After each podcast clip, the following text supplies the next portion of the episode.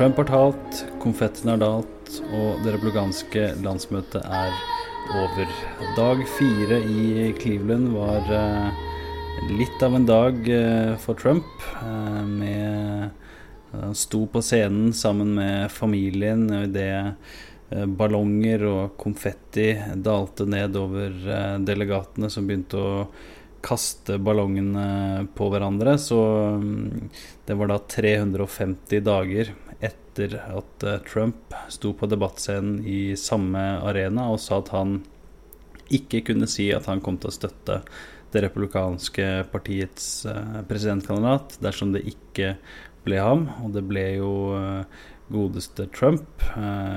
Tidligere på dagen så var det klart at det var en litt sånn stille før stormen i Cleveland idet det nærma seg talen til eh, Ivanka Trump, som skulle introdusere far, akkurat som hun gjorde da han kunngjorde sitt kandidatur 16.6 eh, i fjor, så tok de bort det andre podiet, og opp av gulvet kom det et podie som var i svart og gull.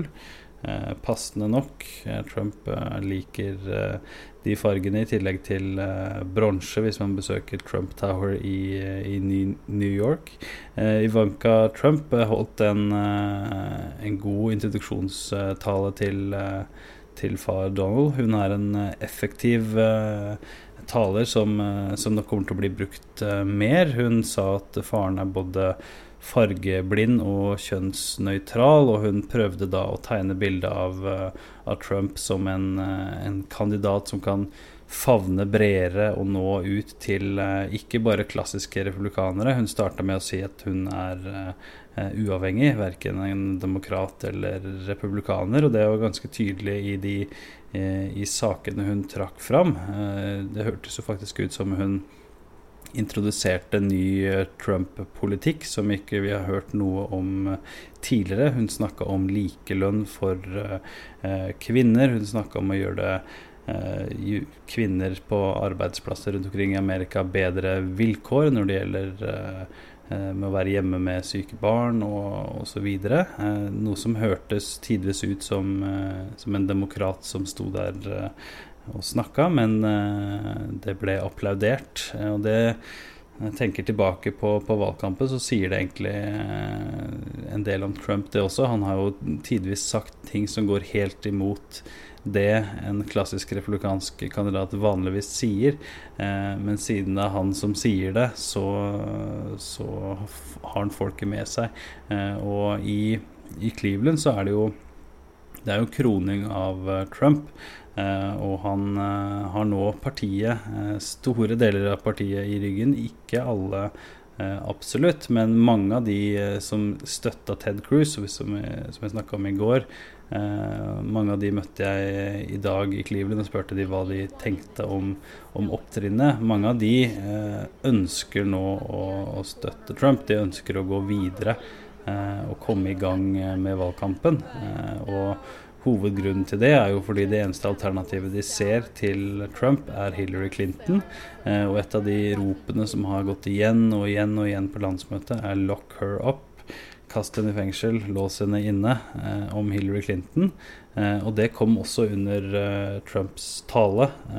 Han eh, rista på hodet og, og signaliserte at de skulle stoppe. Han sa da isteden at de skal slå henne i november, noe som var en uh, smart trekk fra Trump. Uh, andre talere har, har gjentatt ropet fra salen. Det hadde, det hadde blitt overskriften dersom Trump hadde gjort det, men det, det gjorde han jo ikke. Selve talen til, til Trump var uh, tegna et meget mørkt og dystert bilde av dagens Amerika. Eh, på forhånd ble det sagt at han var inspirert av Richard Nixons eh, eh, landsmøtetall i 1968 og av den såkalte Law and Order-kampanjen. Lov og orden, fokus på på det. Det gjorde også Trump i den eh, talen her. Den store forskjellen er jo at uh, kriminalstatistikken er en helt uh,